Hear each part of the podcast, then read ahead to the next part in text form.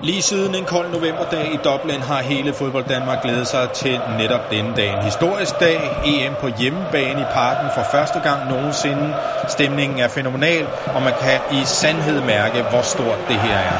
Vi gør klar til nationalmelodi og rejser os op.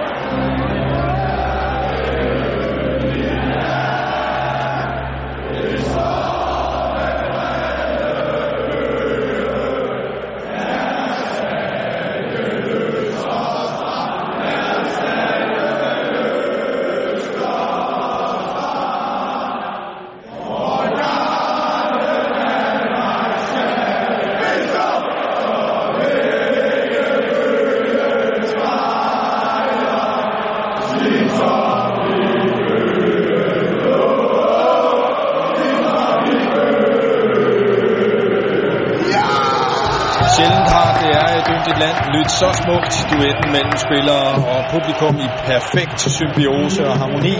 Det er 60. 20. gang vi møder Finland. To gange har vi mødt dem i EM-kvalifikationskampe. Det blev til 2-1-0 sejr i 80'erne. Nu gælder det ikke kvalifikation. Nu er det alvor. Nu er det slutrunde. Schmeichel har haft en god sæson i Leicester. Ud der til Simon Kjær. Roligt videre. Løfter den op i brystet til Yusuf Poulsen. Lægger den af til Christian Eriksen. Og så en øh, kæk yderside aflevering. Det er fræk lavet af Robert Skov. Indlægget ind til Thomas Delaney. Hætter den i mål. Det er 1-0 til Danmark. Forbi Lukas Radetzky i findernes mål. Drømmestart på EM. Danmark foran med 1-0. Thomas Delaney 6. landskampmål. Og med afstand det vigtigste. Parken går amok. Kæmpe jubel.